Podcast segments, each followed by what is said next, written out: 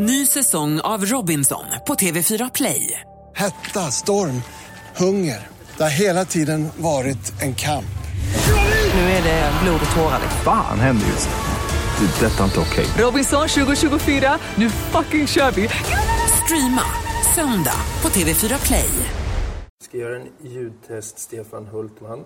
Vad funkar bäst, mörrumspinnare eller mörtblänkare? Mörrumspinnare är klart bäst. Varför då? Uh, Mörtblänkar har jag aldrig hört faktiskt, men mörrumspinnan den, den uh, blir de hungriga på och hugger.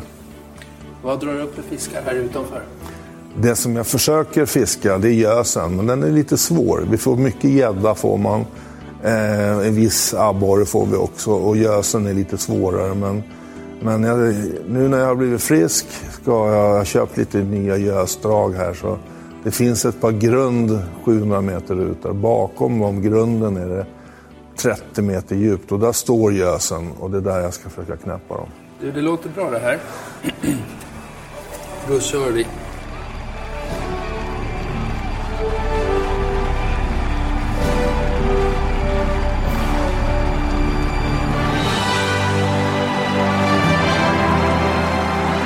Känslomänniskan och vinnartypen Stefan Hultman har en meritlista längre än de flesta och har lyckats vinna alla Europas stora lopp med Elitloppet och Prix d'Amérique som historiska segrar. Med Fram lyckades han vinna Svensk travkriterium, Svensk travderby och Elitloppet i rak följd, något ingen mäktat med sedan dess. Maharaja har vunnit Frankrikes tre största lopp och har liksom Fram även vunnit kriteriet och derbyt.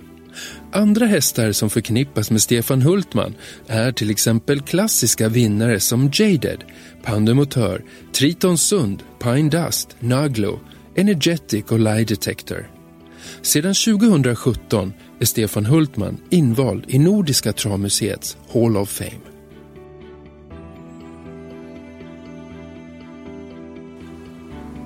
Hulken eller grönsakshandlaren? Grönsakshandlaren är väl det som är lite roligast på något sätt. För att eh, det var faktiskt att, att eh, inte långt ifrån att jag provade på det. För när jag kom hem från Italien, jag skulle försörja min familj, Karina och mina pojkar Alexander och Daniel. Jag hade en häst i träning och den var ute hos Stig och Johansson. Jag åkte och hämtade den. Sen åkte jag upp till sekretariatet. Där stod Sovalas VD, Hans Järbeck, heter han om jag inte minns helt fel.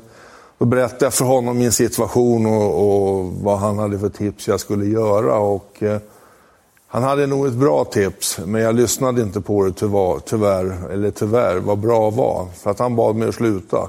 Han tyckte det skulle vara bättre att jag gjorde det, men jag gjorde inte det. utan Jag hade en kompis som hade en grönsaksgrossistfirma som låg i Bromma. Och då var det ett bra sätt för mig att jobba där på morgnarna. Började fyra, halv fyra, fyra på morgonen. Sen körde man fram till 11 och det var en bra inkomstkälla. Sen åkte jag iväg och skodde ridhästar efter det så att jag kom hem då eftermiddag kväll då varje. Och det här var stort sett alla dagar i veckan. Det, det bra, gav en bra inkomst men det var inte det roligaste jag visste i livet utan tarmen sög och eh, livet att komma tillbaka och träna hästar igen den blev bara starkare och starkare. Hur mådde du under den här perioden? Ja, då mådde jag ganska bra, för det var liksom bara kavla upp ärmarna och köra hela tiden. Va? Det, jag, var inte, jag var inte bortskämd på något sätt, va? utan jag hade en stark kropp och en hård vilja. hade jag och eh, Det skulle fungera allting bara. Va? Det finns inga andra, jag tänkte inte några andra banor, utan det var bara framåt hela tiden. Och, eh, det var en kämpig period, men eh, relativt eh, lycklig period ändå, för vi hade pengar. och mat på bordet och allt det här. Så att det, det, det flöt på hyggligt. Men, men just att jag inte kände mig... Jag kände mig inte klar med min träningsverksamhet. Jag ville fortsätta med hästar. Jag tyckte jag hade mer att göra eh, i hästbranschen. Var det det bästa beslutet du har tagit då? Att inte lämna in licensen? Ja, om det får jag nog lov att säga. Eh, jag fick tips, jag satt uppe på Sovallas eh, lilla slinga uppe bland parkeringen där. Då kom en tjej som heter Mia Hakkarainen. Som jag, vi satt och småpratade lite, jag berättade mina tankar och hon sa att hon hade hört att Menhammars stuteri sökte en en person som kunde träna deras unghästar och framförallt också en som kunde ta hand om hovvården på hela Menhammar. Och då åkte åkte jag ut till Menhammar, presenterade mig. Och det stod fyra tvååriga ston i början på året där som jag började träna. Sen hade jag med mig en sex, åtta hästar hade det blivit. Eh, så det var, det var en tiotal hästar jag hade. Sen, då tränade jag dem där och sen eh, tog jag hand om hovvården. Jag verkade alla fölston, jag verkade alla föl. Jag skodde alla hingstar så att eh, timmarna rann de hann precis med dygnets timmar, utan det var jobb, jobb jämt. Va? Men jag kommer så väl ihåg när, när jag och en kompis vi tog en varsin häst och åkte över på andra sidan vägen. Och, och jag såg min så kallade backe. Det var en gammal grusväg som de hade haft och tagit bort timmer, för de hade avverkat timmer på hela den sidan. Och den vägen drömde jag att det skulle bli min backe och jag skrek rakt ut. Här har vi ju backen, kommer jag ihåg. När du packade grönsaker på morgonen, skodde på kvällen, hade du då en tanke på att Stefan Hultman skulle bli det namnet det sen blev bara några år efteråt? Nej, absolut inte. Det hade jag verkligen inte. Utan, eh, jag hade en hård vilja som jag, som jag sa och aldrig ge upp. Det har jag haft som jag har tänkt många gånger i mitt liv, men jag trodde aldrig att jag skulle bli en, en bra travtränare igen. Jag hade väl haft chansen till det. Jag ville ju bli Stig och Johansson ganska tidigt. Och, men jag hade växtverk i min organisation, den blev för stor, jag var inte mogen totalt själv för att eh, handskas med en så stor verksamhet och hade, hade, den hade kraschat hela den verksamheten helt enkelt. Så det, det hade jag lagt åt sidan det där vid det, det dags dato. Utan jag visste väl ungefär vad jag kunde själv, men jag hade inte ordning på, på min egen ekonomi eller på, på vad som egentligen krävdes för att bli en stor framgångsrik travtränare. Det var ju inte förrän jag kom ut till Menhammar och att Menhammar eh, tog hand om ekonomin. Jag jobbade som en konsult, alla anställda jobbade åt Menhammar. Jag kunde då för första gången i mitt liv bara koncentrera mig på att träna hästarna. Det var då framgångarna började komma faktiskt. Vem är Stefan Hultman och eh, var kommer du från, från förhållanden så att säga? Jag är en vanlig Stockholmskille. Jag kommer från Huddinge. Min pappa var mattläggare och eh, jag ville bli idrottskille. Jag var ganska atletisk när jag var, när jag var ung. Eh, ville hålla på med ishockey, fotboll och det här som det allmänt klassiska och eh, all min tid gick åt till det. Sen eh, jag är född 63 och eh, första avkomman som föddes efter Kentucky Fibber, hon föddes 71. Hon hette Miss Kentucky. Den köpte min pappa. Och då började jag följa med pappa ut på helgerna och missade några hockeymatcher och sådär för att komma ut och titta på, på den här hästen. Och jag brann för en gång för djuret. Jag älskar djur och eh, när vi sen fick låna några äldre hästar ut och köra där och man fick köra häst första gången. Jag, första häst jag körde, jag tror att det var en Fuxmärg som hette Blockett. Eh, hon, jag vet att hon tävlade i Storchampionatet. Det var rätt bra med Jag fick köra henne själv en gång nere på rundbanan där hos Bruno Svensson. Då föll jag för det här verkligen. Vad är känslan när man får köra häst själv för första gången? Du måste komma ihåg det där. Ja, den, ja, jag gör det. Och den här urkraften. Va? Och jag kommer ihåg en gång vi hade en häst som hette Blazeboy. Vi åkte upp i ett sandtag. När han tog i, drog pappa och mig i den här vagnen och skulle upp för det här sandtaget. När rumpan, huden på rumpan blev alldeles så skrynklig. Han tog i, varenda muskel rörde sig på honom. Jag kommer aldrig, aldrig, aldrig glömma det. Jag har ett fotografiskt fotografiskt minne faktiskt. Och, eh, jag kommer ihåg det där som det var igår, den där bilden, när han tog i så det knakade upp från den där backen. Och redan då började jag fundera på det här med backträning. Varför jag gjorde det, det har jag absolut ingen svar på, svar på, för att det är ganska långsökt. Men jag, då såg jag hur en häst fick jobba när han sprang upp från backe. Som jag brann till på. Va? Och, eh, nej, det är en enorm känsla. Va? Det är samma här blockett som jag körde själv första gången. Ha, ha den där fina individen framför dig som väger 400-500 kilon och så, vad heter det, bara känna att han drar iväg så här, Det är helt enastående. Är det flaggstången som irriterar? Ja, det var någonting som jag ja. hörde. Ska jag ta, försöka ta bort den? Ja, det, eh, Carina, gumman. Flaggstången slår så att det blir lite störning. då, eh, stäng då. Det är lugnt. Ja, visst. Det är lugnt. Jag såg att du blev irriterad på något. Jag, jag förstod nästan vad det var. Har du något mer sånt där minne från början av din, din hästkarriär när du tyckte så mycket om hästar? Du sa att du hade fotografiskt minne, något elitlopp, någonting annat sådär. Ja, det, det har jag. Jag har ett par minnen som är otroligt starka. Och bland annat när Kentucky Fibber, han stod längst in i det här stallet på Denans stuteri hette det. Och när Göran Svensson skulle leda ut han i hagen, han, var allt, han hade en liten pisk i ena handen och så tog han Kente då, som han hette, hästen i, i andra. Och det bara braka ut ur stallet, den här stora hingsten som var så stor så det var inte klokt. Innan han fick ut den i hagen där och, och det var, det var en, upp, en uppsyn som var så otroligt stor för en liten pojk som mig. Har du varit liten? Ja, jo, jag var liten. Och ja, det, det, det glömmer jag aldrig. Sen har jag mitt absolut största travminne genom tiderna. Jag, jag fick vara på Elitloppet 72 när Olle Älvstrand gjorde sin kända Älvstrandare när han släppte ut Dartanover i ryggen på Elitloppet. Så Dartanover 72, då vann Elitloppet. Det är mitt första Elitlopp. Och sen hade jag då tagit till med travet något alldeles extra då, 73. Jag var 10 år gammal. När, kommer så väl ihåg när alla, bi, alla bussar kom nedvällande från hela Dalarna ner till Sovalla och de hade tryckt på tröjorna. Ego boy, oj oj oj. Ego boy, oj oj oj. Och så gick och, och sjöng det här. Va?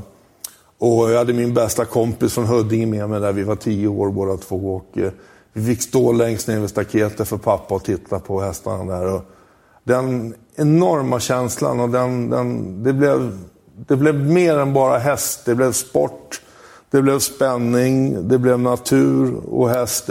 Alla bitar föll på plats för mig då. Va? Och när Ingmar Olofsson kunde sätta stöten i, i Flower Child och Joe Bryan där. Han hade finska boots och Raymond Käk och Kort Käk och en gammal Forsbergvagn eller vad det var han hade. Tänkte de, den hästen idag, barfota runt om, lång käk, jänkarvagn. Det gick 13-8 då, på den tiden, alltså då i försöket. Var det, ja, det var, då var jag absolut såld. Och då, vid den tidpunkten så sa jag till mig själv, jag kommer ihåg, vi hade en släktmiddag hemma. Jag hade min goda moster och hennes man där.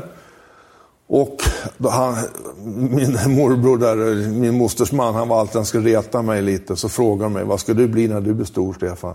Jag ska bli travtränare. Och de började skratta, de tyckte det var jättekul.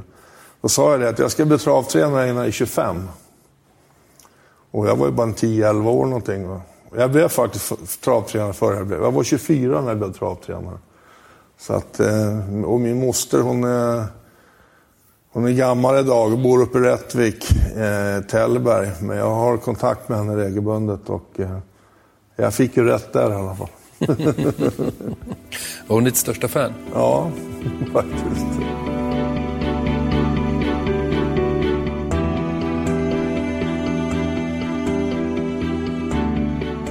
Det var aldrig något annat yrke som var aktuellt. Nej, det var inte det. Pappa hade ju en mattläggarfirma och det är klart att han ville att jag skulle ta över efter honom och föra det vidare. Va? Men jag var så totalfokuserad att bli travtränare så att jag är ju född i september, så när jag slutade skolan så var jag ju då åtta egentligen då va.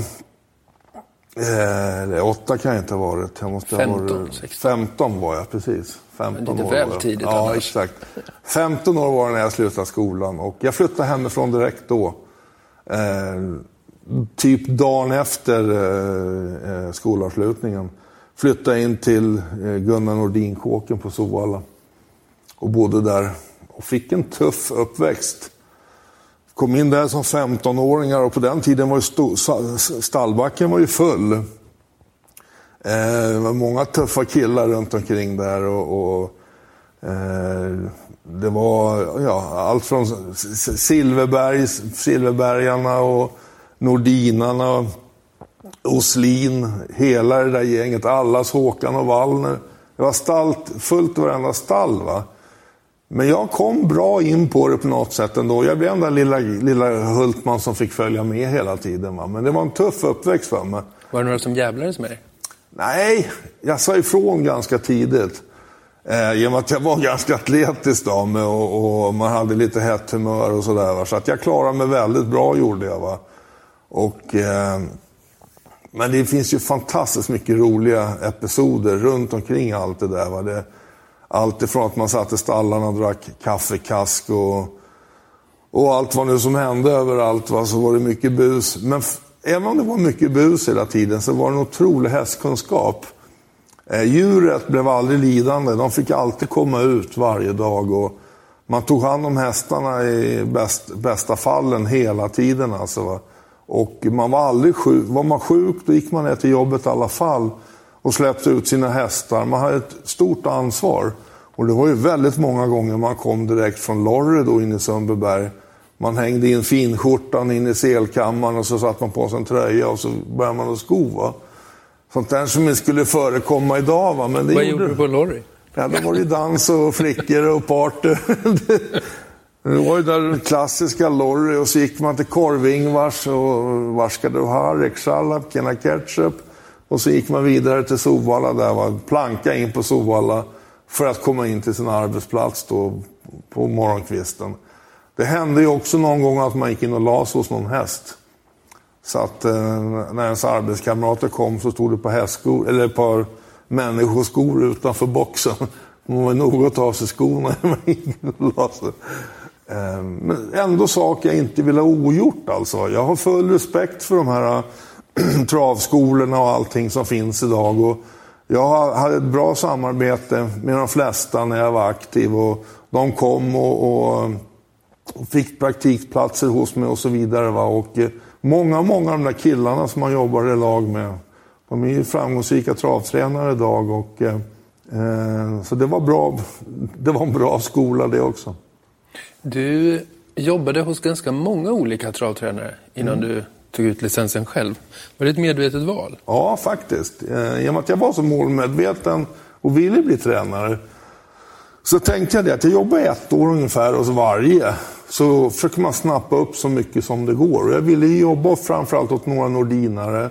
Jag ville jobba åt Stig och jag ville jobba åt Tommy Hané. För det var de som mest som intresserade mig mest. Och så ville jag vara i Stockholmstrakten hela tiden. Va? Jag var ganska inrutad stockholmare. Jag ville inte ge mig iväg på några större grejer. Eh, och alltså, som Tommy han är, han var en förebildare i så många grejer alltså. Rakbana, utedrift, Höse Lars balar. Vi hade unghingstarna i lag i hagarna och han körde med långa käkar. Ganska obalanserade hästar faktiskt. Jag, fick, jag kommer ihåg, jag fick jobba länge hos honom när man lärde sig och köra felfritt för första gången. För det var, där fick man lära sig köra häst, inte åka häst. Va? Jag kommer ihåg när jag jobbat åt eh, Gunnar Nordin. Fick jag, jag var yngst då hos Gunnar Nordin. Så min arbetsuppgift varje tävlingsdag det var att putsa Gunnars skor, lägga fram en ny eh, glasögon, ställa fram pisken, lägga fram handskarna, hänga upp den nytvättade dressen.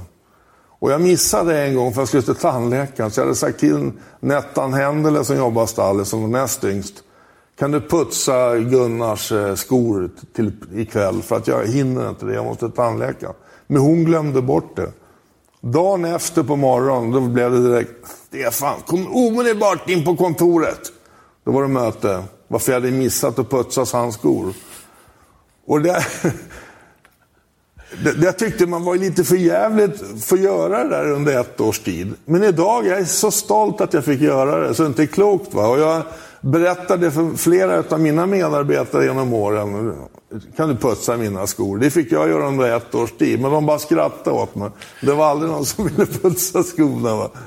Eh, men, så vi jobbade där och så jobbade jag hos eh, Uffe Nordin som var ju en balanskonstnär. Han var en riktig sköning alltså. Han kunde sitta och köra häst med en hel förmiddag, galoppera och åkte han in och ändrade han och sen ut igen och höll på. Va? Och fruktansvärt duktig alltså. Jag var helt säker på att han skulle bli nya Stig Johansson. Sen fick jag sluta hos honom och så började jag hos Stig Johansson.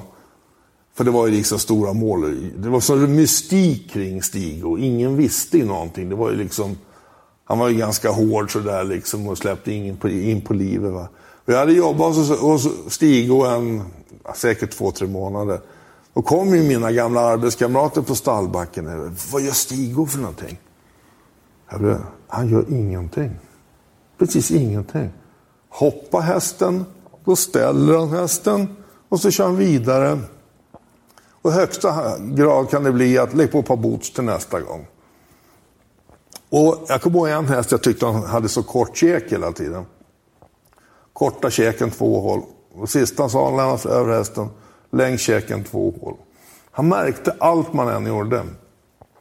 Och jag kommer ihåg att jag hade en häst som, som satt i stig och kan inte jag få leva på lätta boots på den här?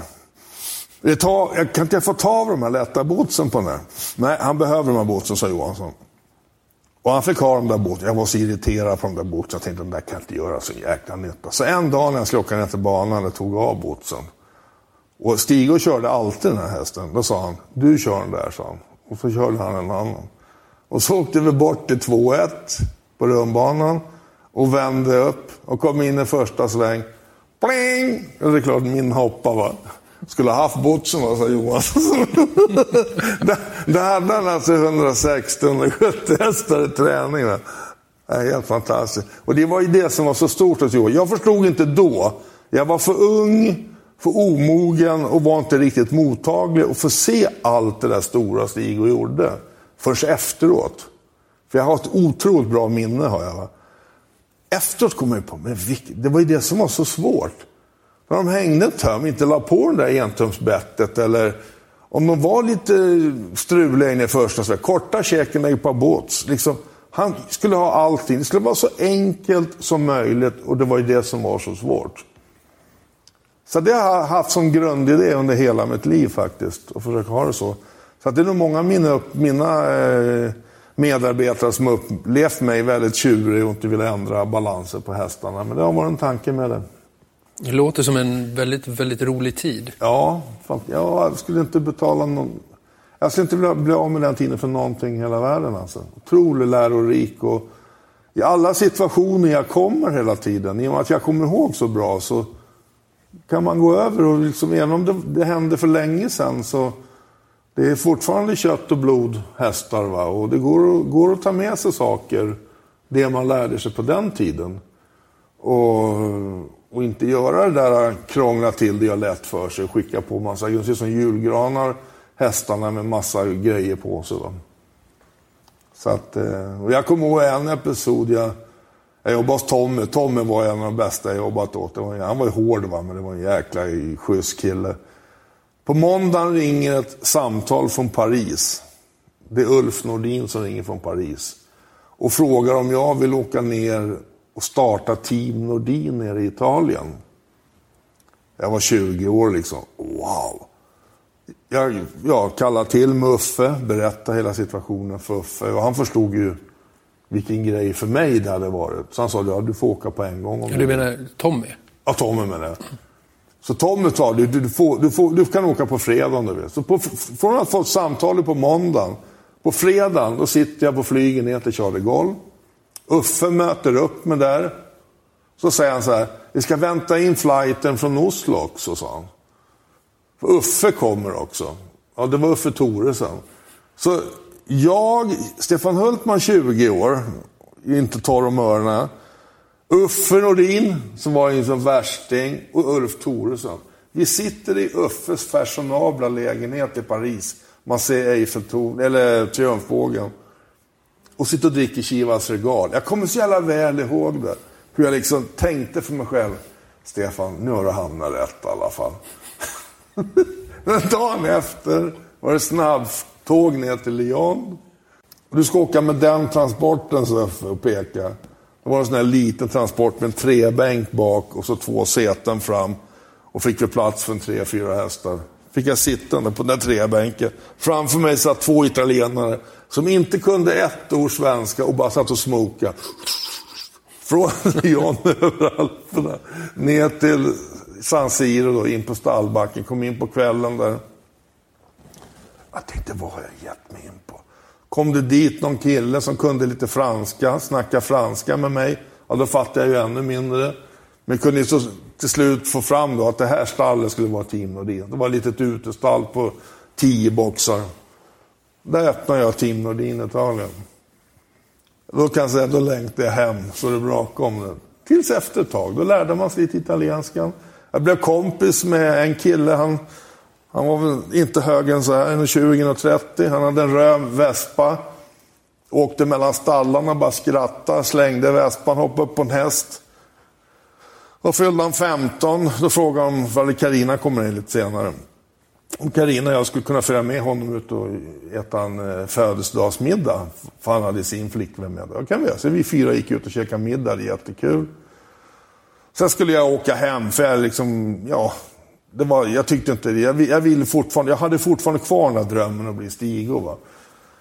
Så jag sa hej då till Pip. Men det sista jag sa till honom var du kan väl åka hem till Sverige och jobba åt Johansson eller någon så du får lära dig lite grann det här. Du, du sitter ju bara och kör häst.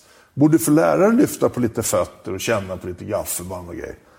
Så bara skratta. Jag behöver inte, jag heter Gubbelin. Det var ju Pippo. När året efter jag åkte ner var han 16 år. Då var han lärlingskampion i hela Italien. Är det någonting du rekommenderar unga som vill jobba med trav att åka iväg? Det är alltså absolut, det tror jag är jätte, jättebra. Du får både se för det, på det som är bra och, och framförallt på det som är dåligt. Och då, då ser man ju hur bra svensk travsport är. Och nej, det, det kan jag verkligen rekommendera. Och jag sa så här, faktiskt så till min son som stod i val och kval om man skulle satsa på det här. Han körde ju lite amatörlopp och hade ju körhand och gick ju bra för honom. Eh, sen han började bli sugen på att åka, då sa jag det. Ja, men du ska inte hänga pappa i, i brallorna hela tiden. Utan nu skickar vi dig till Frankrike, så får du, jobba, får du jobba där ett tag. Så att du får se lite nytt och, och få lära ett nytt språk och, och en annan kultur. Va? Det, det tror jag man lär sig jättemycket av. Det tror jag.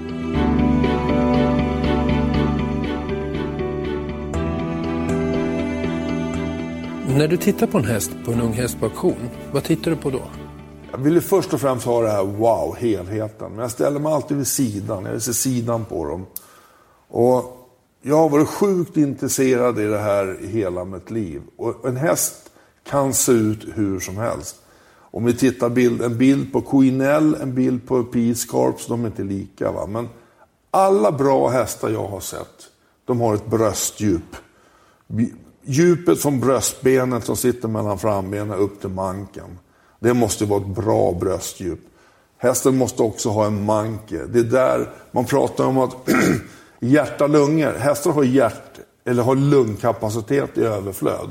Men du måste ha ett starkt hjärta som pumpar ut mycket blod. Och ska de ha runt varje kapillär, det kan du inte se utifrån. Runt varje, kapillär, varje muskelcell ska ha mycket kapillär som möjligt som kan transportera muskeln och, och syresätta den och framförallt ta hand om den mjölksyra som bildas. Sen vill jag ha långa kotben på dem för att få spänsten i dem. Så manken, djupet, långa kotben och så går jag alltid fram och så tittar jag med ögonen. Går hissen ända upp, då köper de. Ser, en häst som ser dum ut, han är dum. Och den har du ingen glädje utav. Eh, så kan du köpa en fin häst, om de är lite skevet framben. Det är, jag köper en sån häst om, rest, om det här andra är fint. Va? vill man ju ha såklart ett, ett liggande, sluttande kors på dem. Va? Gärna vill jag ha fina inskeningar i dem. I och med att jag körde mycket backe så vill jag inga, inga knipta under hasen eller något sånt där. Det blir dålig hase på dem och har, har haser och skit som man krånglar. Va? Men just det där bröstdjupet, manken och så blicken. Och när man, man kan gå fram, en häst som står på en auktion är inte så mycket, den är inte så mycket hanterad. Så har de ju lite hingsbett och grejer på dem. Går man fram och tar tag i det bettet liksom. En häst som ser att jag kommer fram, tar tag i det där, att han inte får panik för att jag håller i han. Och sen kan jag gå och titta på honom. tar bort, alltid bort sömnen i ögonen på dem. Och tar bort den på dem och står och pillar lite på dem. kollar lite öron. Den som står till, står still och vet att jag är ledare redan där, den, den, där går hissen ända upp. Det är en jäkla viktig egenskap. Som tränare för så många Menhammar-hästar så fick du det finaste materialet. Ehm, är det svårare? Jag kan tänka att Daniel Redén kanske får ha samma sitt som du hade, alltså mycket fina hästar, men svårare att få ett erkännande som en bra tränare. Men så är det, eh, absolut. Det gick ju så långt att folk trodde liksom att...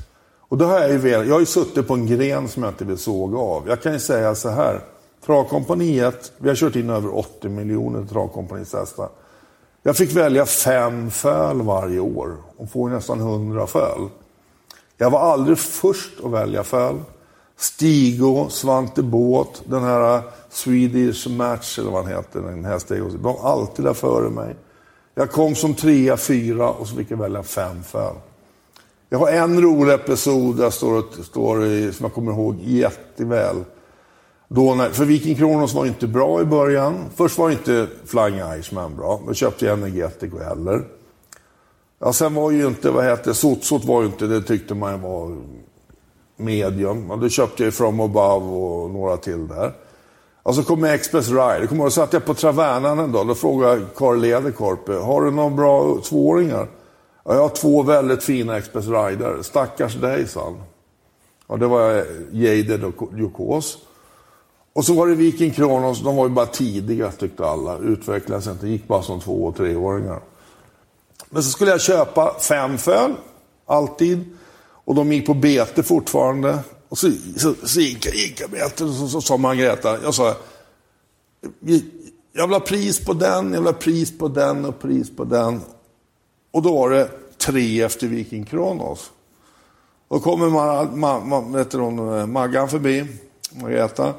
Du får bara köpa två efter Viking Kronos i år, för du vet. För det, det kan, folk kan inte tro att du köper de bästa. Vad är det för stam på den här då, som stod där bredvid?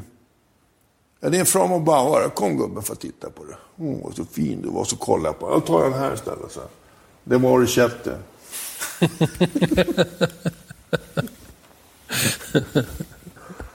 så att, eh, ja.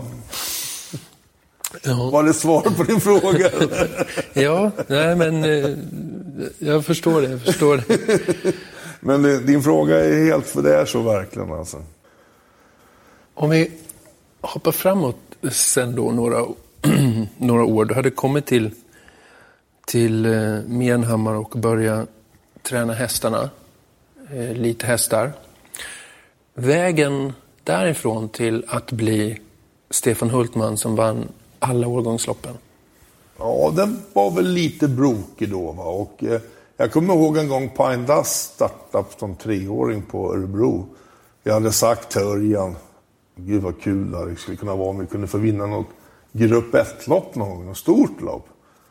Och det har, har, han tagit upp med mig och tyckte det var så himla kul. Då vann ju hon korta E3 på, på Örebro, Pine Duster. där. Eh, Ja, men det, det flöt ju på väldigt, väldigt bra. Jag hade ju bara ett krav på mig från Menhammar. Det var inte att ta in för mycket hästar. Och det var nog väldigt bra. För det var väldigt många som ringde då och ville lämna in hästar. Sen hände ju en väldigt negativ sak där med, med, med Jokos. Och det, det tog mig väldigt hårt. Då var det faktiskt väldigt nära jag, jag vet, slutade med trav. Det var då han... Ja, det var ju Ulli, Europaderbyt. Och han gick ju sitt försök på Sovalla. Och så hade de försök i Laval. Och finalen gick sedermera i Valal, Laval. Och i Jokos vann i Sverige. Och den här eh, Jagdubé-folket där, de hade ju en bra avkomma till honom som vann. För, Opus Virvi. Just det. Den vann där nere. Sen tog det en månad. Då fick jag hem ett papper på att Jokos var positiv på kortisonpreparat. Och det står ju inte, att, det står ju inte hästen, det står ju bara nummer. Va? Mm. Det var ju från, från den dagen de körde försök nere i Laval. Ja, jag kunde ju inget franska. Vi kopplade in den här Åke Isberg på Sovalla och, och vi hade någon fransk veterinär, eller dopingadvokat då som höll på mycket med, med folk som höll på med cyklister som hade problem med doping. Då. Nej, då hade de ju kastat alla papper. De, så fransmannen sa bara, ja men det, det är vi som har skrivit fel. Det är hans prov det här. Ja, men kan vi få se det då? Kan vi få se på hans prov och ta ett DNA? Vi kan bekosta det här DNA själv. Det skulle bara kosta några hundralappar, det var inget märkvärdigt. Nej, nej, mistake, mistake. Det är kastat allting. Så efter någon månad så hade de kastat allting. Va? Så än idag så vet ju inte jag om det är kontaminerat. Men det hade ju inte synts på... Ja, han vann ju på Sovara, där var han ju ren. Så då måste han ju blivit då kontaminerad på någonting till finalen. Och det är ju... Ja, det var mycket teori runt det där. Det var mycket, mycket, mycket konstigt att det var ett sätt för fransmän igen då, i samband med, med Jacques Belé. Det blev mycket tråkiga och det blev... Det med att Jacques de Belloé blev diskad i Elitloppet? Ja, ja, och jag tog åt mig det där väldigt, väldigt hårt. Då hade jag blivit känd som person här ute på Ekerö. Jag vågar, jag vågar inte gå, på, jag vågar inte gå på, på Konsum eller någonting. Jag, jag kände mig som en jävla bandit. Va? Alltså som en utpekad dopare då? Ja, och då ringde jag. Och det, jag vet, han var ju journalist som låg i tomten och tog foto och grejer på mig. Så det var, jag fick ligga gömma mig under köksborden. Ja, det var, var en hemsk period. Var, va? Och då blev det då, i och med att det hade gått så väldigt bra för mig precis innan då. Va? Då blev det den där stjärntränaren som dopade. Det blev ju de rubrikerna. Det tog jag väldigt, väldigt hårt. Och då var det nära jag slutade med det Jag hade inte, jag hade inte psyke för det. Va? Då var det faktiskt Margareta som ringde hem till mig en kväll och sa att Stefan, jag vill inte att du slutar. Vi, vi rider ut det här. Så vi blev av med första pengarna. Det var över två miljoner kronor. Plus att vi betalade in advokaten. Han tog det 3-4 tusen timmen under ett års tid. Eh, och i Frankrike, det blev bara en sån här liten notis. Det var liksom ingen, det blev ingenting. Fick, det var hemskt. Du fick, blev avstängd för det här? Eller nej, nej, nej. nej. nej det, I och med att det inte gick inom Sverige eller något. Nej, de tog av prispengarna. Men du kände att du fick liksom en stämpel på det? Ja, det blir ju så. Jag säger ju än idag när det skrivs. Ja, men, händer någonting idag att någon åker dit för doping? Ja, så pjupp så åker mitt namn med i det hela. Det blir ju så va. Till exempel Johaug, eller Therese Johaug ja. då, eller, eller inom travbranschen ja. menar du? Ja, men det blir ju så. Jag kommer ju... Det är ju den fläcken jag har inom min, min då fina, fina sport. Dömer du dig själv hård? Ja, det gör jag. De, mina närmaste säger ju att jag tar åt mig för hårt själv. Men jag vill liksom... Jag anser ju såklart att vi måste ju hjälpa våra hästar. Det, jag, jag tror inte på det här att vi bara... Vi, vi använder inte veterinärer, utan vi kör så länge lampan lyser så byter man hästar. Det finns ju de tränare som tycker de är stolta över det. Vi har aldrig veterinär på våra hästar. Eh, All idrott sliter. Och det är vi, våran förbannade skyldighet, vi som är som tar hand om våra djur, att vi måste ligga hela tiden, motorn ligger in. Se till att de mår så bra som möjligt och att de inte har ont någonstans. Utan att dopa hästarna. Alltså det tycker jag, det, det är liksom... Men det blev ju sånt snack ett tag att man vågade inte säga att man hade, hade veterinär. Sen ändrade de ju alla de här äh, gränsvärdena så att de tog ju bort de här äh, slattarna. För ett tag då åkte ju var och varannan tränare dit. Va? Så det var ju skönt att de gjorde det så att man liksom vågar och anser. Jag, jag gjorde så i mitt stall, vi hade ju över hundra hästar. Får inte använda någonting, vi ska kastrera den där. Jag måste ställa på lite kronoxin. Nej.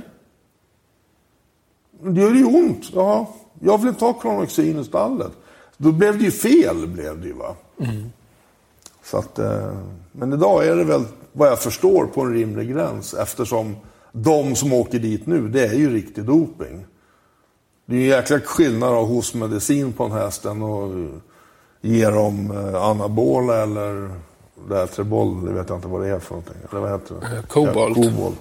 Mm. Det är väl det är i så fall, det är i så fall riktig doping.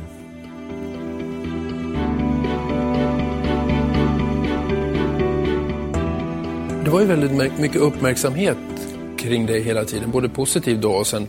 Eh, men du kanske själv inte all, upplevde allt det så positivt? Nej, Nej jag, jag tyckte det var jobbigt under Maralda-tiden. Att det blev, jag drog mig undan. Eh, det var mitt sätt liksom. Jag, tyck, jag anställde ju folk som skulle hjälpa till och ta telefon och sådär. Men det, det blev ju inget bra. Det var ju mig folk ville ha tag på. Det förstår jag idag. Men jag, börj, jag blev stressad av att hela tiden att alla ska reda på vad som hände med hästen hela tiden. Och så fort det var något minus så blev det ju liksom rubriker. Va? Nej, jag tyckte det var superjobbigt alltså. Så att eh, Karina, min, min fru då, vi, ja, vi har varit sambo 33 år, vi ska gifta oss här i sommar. Hon sa, Maradja kommer bli din död. För det var liksom, samtidigt som jag vet idag vad viktigt det är för travet att ha de hästarna och vad viktigt det är att vi tränare ställer upp på det. Va? Så hamnar jag i ett läge att jag tyckte det var väldigt jobbigt. Vad menar hon med att han kommer att bli din död? Ja, att jag var ju då stressad upp i varv liksom och, och var ju för stressad. Och det är väl det de tror idag kan ligga, kan ligga till orsaken till mina sjukdomar. Fick ju, först fick jag diabetes typ 1. Och det utvecklade mig bara som barn normalt sett. Det fick jag som 45-åring. Och sen då på det här eh, gravis på det då. Va? De tror ju att stressen har stor betydelse. Äh, det var liksom, jag, jag bara mer och mer hamnade i min bubbla liksom. Upp på morgonen till stall, skriv listor, körde hästar hem, anmälde, nedsatta. Det blev liksom som en jävla robot blev på slutet. Det blev ju inget bra va. Det blev ju liksom inte... Jag tappade den där glädjen, den där känslan som jag hade från början. Det blev bara på... Jag hade bara liksom...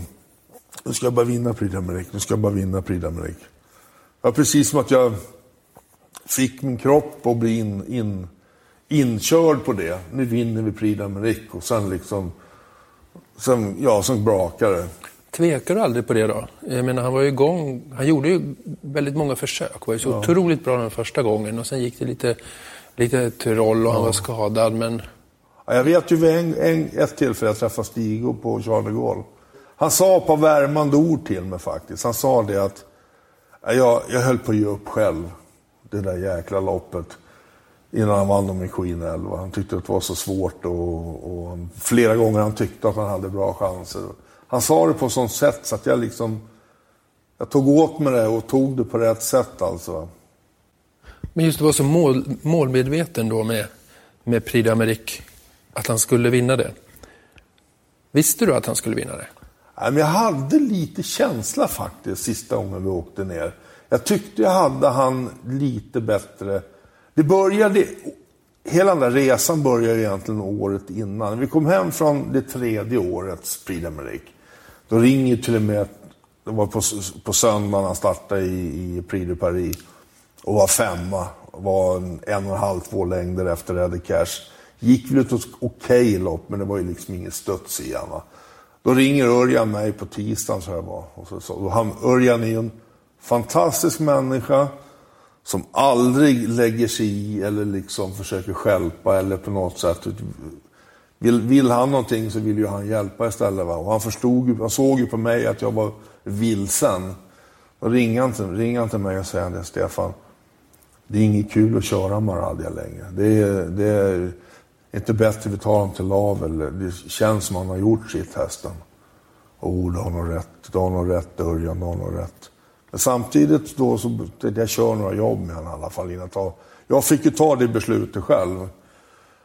Och mådde jättedåligt av att jag hade kungakronan på Marre hade ju hamnat på sniskan och det var ju ett värde gentemot, ett ansvar jag hade gentemot stuteriet att avsvärdet på Maradja skulle finnas kvar. Och det hade jag ju spolierat lite grann. Va? Körde jobb med honom hemma, han kände så fantastiskt fin alltså. För han fick ju transportsjukan det året, näst sista året han kom ner. Då fick han en 40-årssvep, så jag fick liksom ingen form på honom. Då var det inga problem med några ben. Tredje år, andra året jag var nere, då fick jag en reaktion och gafförband. Det var ju anledningen till att jag inte fick till honom det året. Men efter tredje året då, så började jag träna så himla bra. Så träffade jag Örjan på Sovola stallbacke så är det Marre känns så jäkla bra. Jag vill starta i Olympiatravet och försöker på, på Mantorp här nu på lördag. Ja men vad kul sa Örjan, för det är liksom, det tyckte jag han var kul. Då, Tarzan blev ju förbannad, för han hade lovat, Örjan hade lovat att köra Island, kommer jag ihåg, men det var inget snack vem man körde då. Va? Och då, då, då slet jag av för första gången i Sverige då, eh, skor, skorna på han. Och så satte jag på en jänkarvagn, det var ju första gången med jänkarvagn. Och han formligen flög ju fram på upploppet utan att Örjan körde för fullt med honom. Han sa det Örjan att jag såg bara att jag var tvåa så jag gick till final. Jag, hade jag chansat lite hade vi nog vunnit, sa han. Och sen ut i finalen, men då liksom, då var jag så nervös. Då satt jag här. Jag var så nervös, jag vågade inte åka ner och titta på det. För liksom, det är med Maradja någonstans, det var så små marginaler hela tiden på succé och fiasko. Va? Och jag hade inte pallat ett till fiasko då, utan det skulle, det skulle vara succé alltså. Va?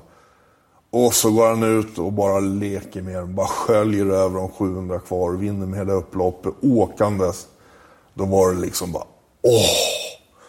Och då visste jag att hästen inte var slut och att jag kunde matcha nu mot en vinter till så ska vi tusan ta det där Prix d'Amérique nu. Ja, det, var, det var en sån känsla för mig så det var helt otroligt.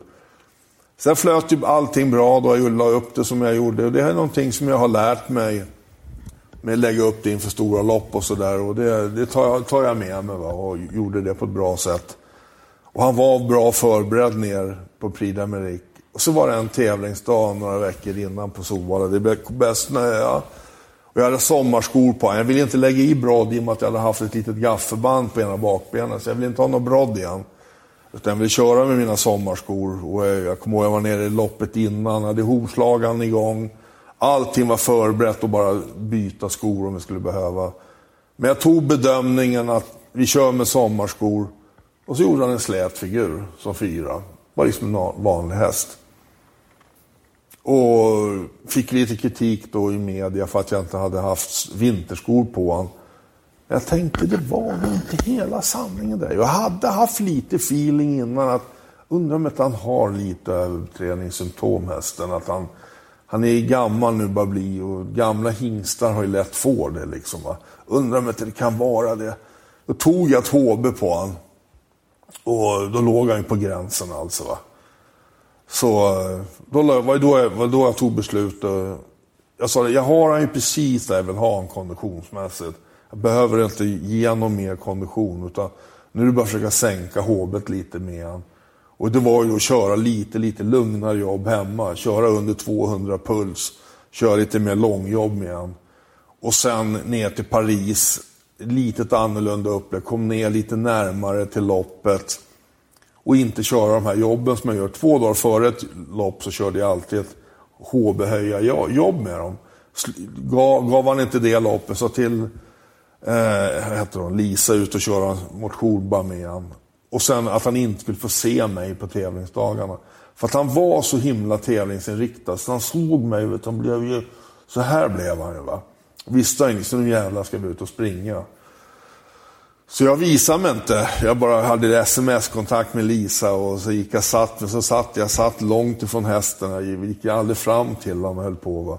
Fick hon värma själv ett bakvarv, Lisa och allt det där. Och, och så vann väl loppet. Och om, det, om det här är hela sanningen, det vet jag inte, men det är min historia i alla fall. Hur kändes det då? Jag vet att det är en jättetaskig fråga. det, Hur fan ska du svara på den?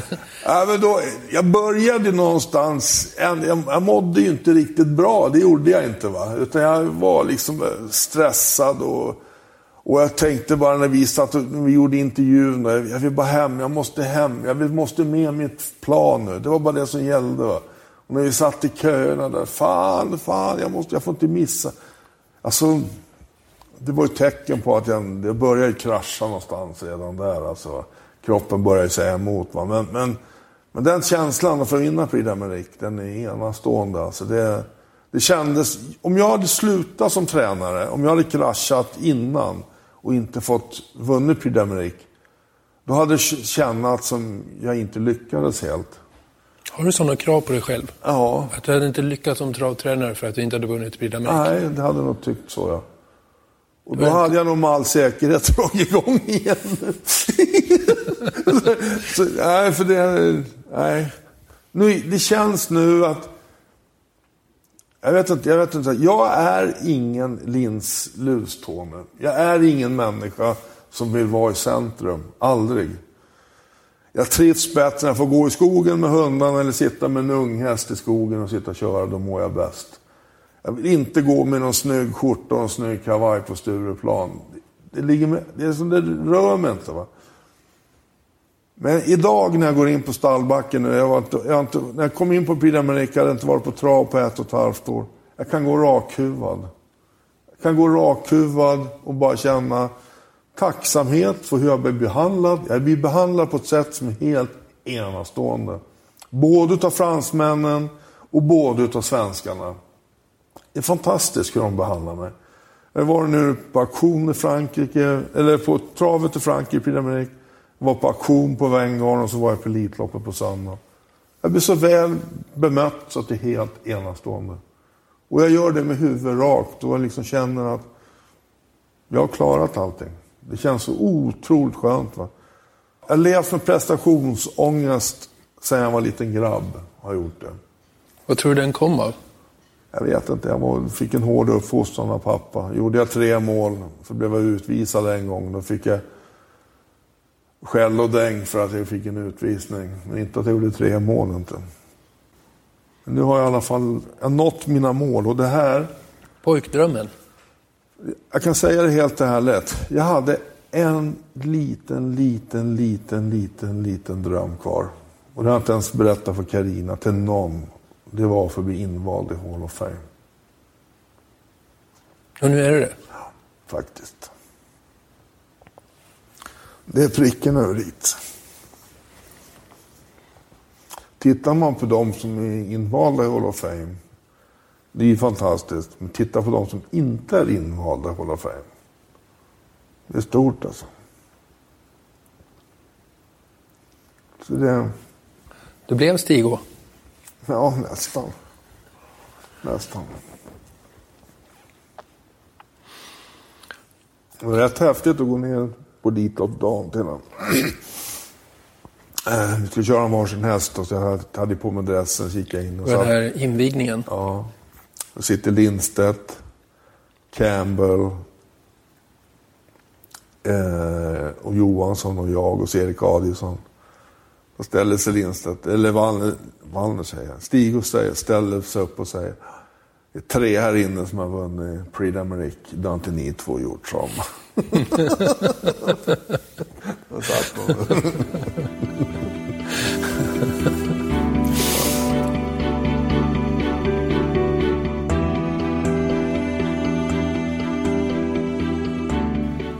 Vilka hästar har betytt mest för dig? Den här listan är inte självklar. För den, absolut den häst som har, väst, som har betytt mest för mig, det är Namara Boko. Den lisade jag utav John och Annika Båtsman. Björn Goop skulle vara kingad på den. Men de hoppade av i sista stund, så jag fick lisa med den. Det är tack vare henne som jag har åkt bilar upp till Skellefteå och lär känna Christer Johansson som i sin tur ägde Chili Khan. Så att han ringer mig och ska sälja Chili till mig och jag säger, jag köper den. Sen lägger jag på lun och så tänker jag, vad fan ska jag få 200-300 000 från? Jag har inte de pengarna. Ringer upp Margareta och då säger hon, jag köper dem. Och inte bara med det, han, han frågar så här, jag måste fråga om en italienare. Det finns en kille som heter Franco Moni. Nej, fin idiot. Jag förstod det, men jag tänker inte sälja den till honom. Så då hade jag först varit där och träffat en Franco Moni. Jag köper Merren, för hon hade slagit Namara Bocco. Sen sedermera köper Margareta den och så kommer Maradja. Men den viktigaste hästen, en, ja, den, den är viktig, Namara Bocco. Och sen är det Energetic. Margaretas son, han heter Jonas Kleberg. Han är jordbruksutbildad. Han och hans fru Eva, de ska ta hand, de ska, de, han ska bli jordbrukare. Sen har du dottern Annika som polar med Botsman. Och sen har du yngsta grabben Mats, han är ekonomiutbildad. Han får hjärncancer och dör, Mats.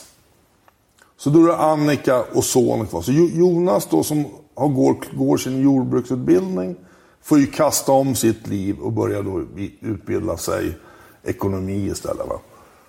Ja, han gillade inte hästar. Men då är det hans fru Eva som går på dagis med där deras barn leker. Och deras barn, mamma heter Eva, Eva Mitteregger. Så de två Evorna kommer till mig och ber mig tysta ut en, en häst på auktion.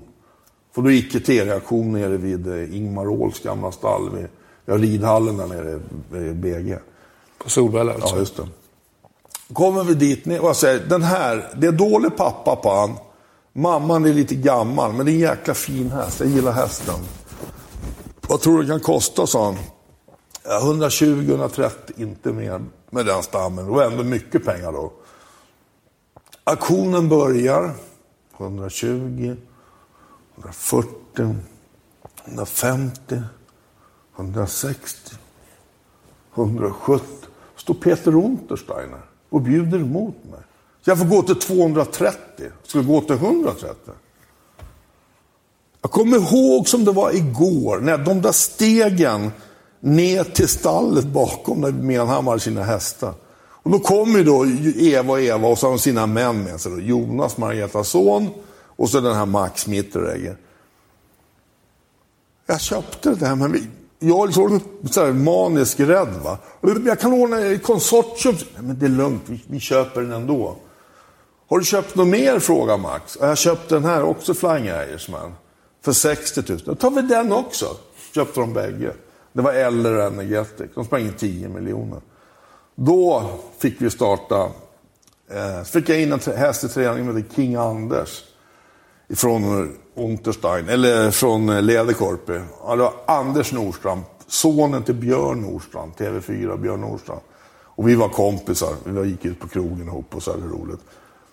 Han gick bra, han vann den Storsjöpokalen uppe i Östersund och allt det här. Och de hade en kompis som hette Anders Nilsson som hade jobbat i media med. Han kommer in, köper en häst och träffar Jonas, så startar travkompaniet. Så att det är de här hästarna som är viktigast. Mm. Såklart. Sen, sen, kan man lätt svara på den frågan och säga att From Above är viktigast och Maradja är viktigast. Va? Men utan de här episoderna så hade inte Maradja funnits till exempel. Vilka personer då? Om du ska lyfta fram någon, som du säger. Viktigaste personerna för mig är min sambo Karina. Utan henne hade jag inte suttit här idag hade jag inte överlevt. Hon har gjort ett hästjobb alltså. Hon har stått ut med mig dels i 33 år och så har hon framförallt nu de här sista åren här tagit hand om precis allt. En dag så satt jag här hemma i soffan. Jag kunde inte ta mig till sängen, jag kunde inte ta mig till kontoret, hämta medicinerna. Jag hade jätteproblem att gå till toaletten.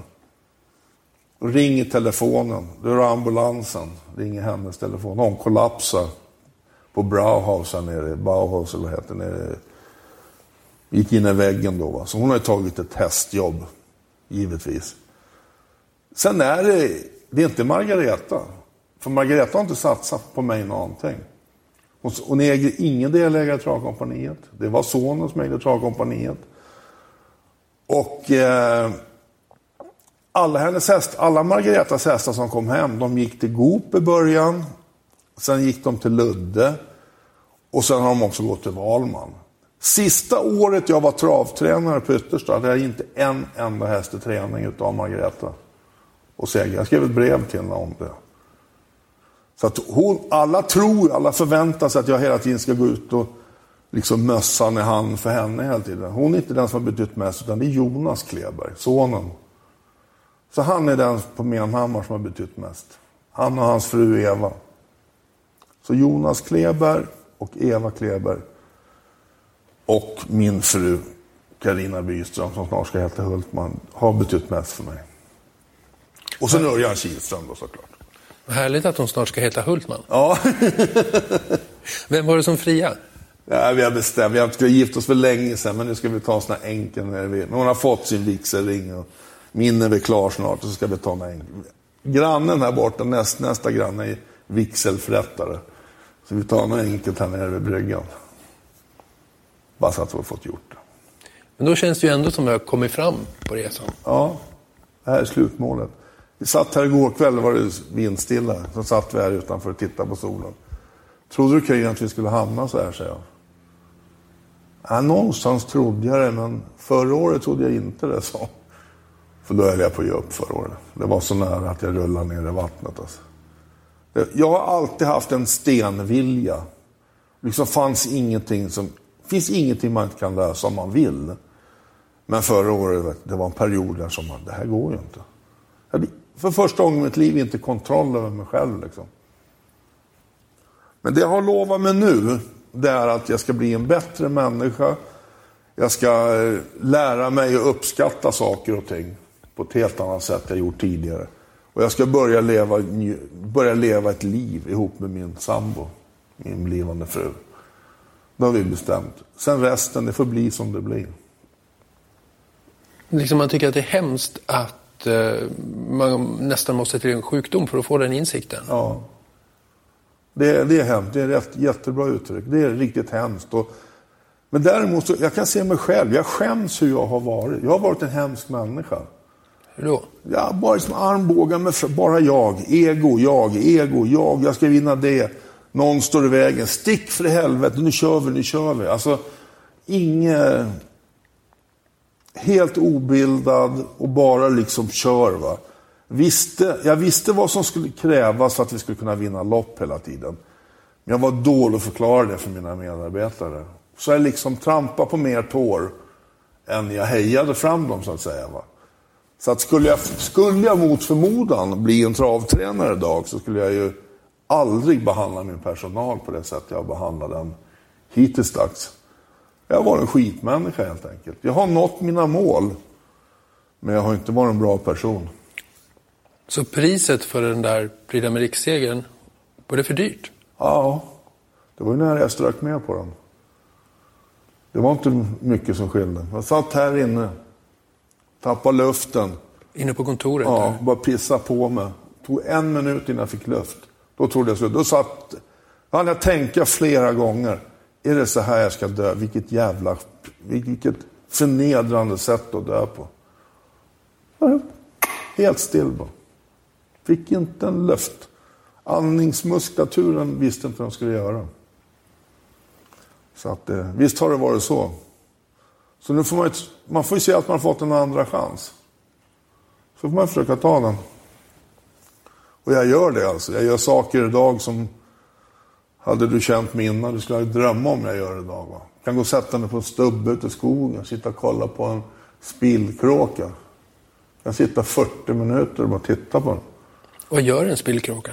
Den låter som en apa nästan. Jaha. Det är en stor svart, eh, det är en, det är en uh, hackspett egentligen. Stor svart så här med en röd, röd näbb då. Och Så hoppar han och han låter, han har ett jävlåt som en apa. Roliga alltså, som fan. Jag har mitt fågelbord utanför. Jag köper fågelmat, skalade jordnötter och skalade solrosfrön. Som jag fodrar. Så har jag satt upp 20 holkar. Så jag har jättemycket fågel, få fåglar runt omkring. Jag tycker det är mysigt. Ja. ja, det. ja, vad ska jag säga? Äter de mest jordnötter eller solrosfrön? ja men... Nej, men det var otroligt roligt att få sitta ner och prata lite om allt det här. Det har ju varit... Det är mycket man undrar. Ja, och, det, och man har varit en jävla skit alltså. Och jag, saker som jag inte förstod då, förstår jag idag. Saker som att jag, jag skulle bjuda, hade jag fått, fått en andra chans så hade jag uppträtt på ett helt annat sätt. Jag hade varit mer tillmötesgående för, för media, för varit bättre mot min personal, allting. Men det är ju tyvärr så. Jag har, gjort, jag har, ju- har ju försökt bett, bett om ursäkt till dem som jag har träffat så att säga. Det är många som hör av sig och tycker att jag har varit bra också. Men, men eh, jag tycker jag var alldeles för dålig. Du får inte ha så höga krav på dig själv längre. Nej. Det är roligt att se dig skratta i alla fall. Ja.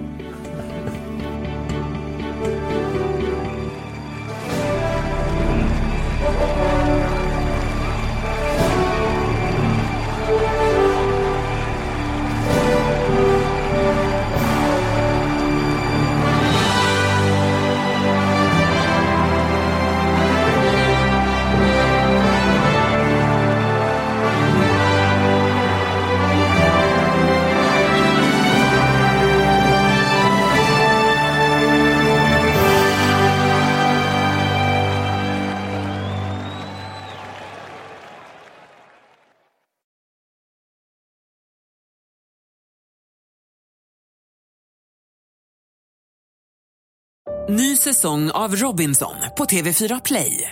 Hetta, storm, hunger. Det har hela tiden varit en kamp. Nu är det blod och tårar. Fan händer just nu. Det. är Detta är inte okej. Robinson 2024, nu fucking kör vi! Streama söndag på TV4 Play.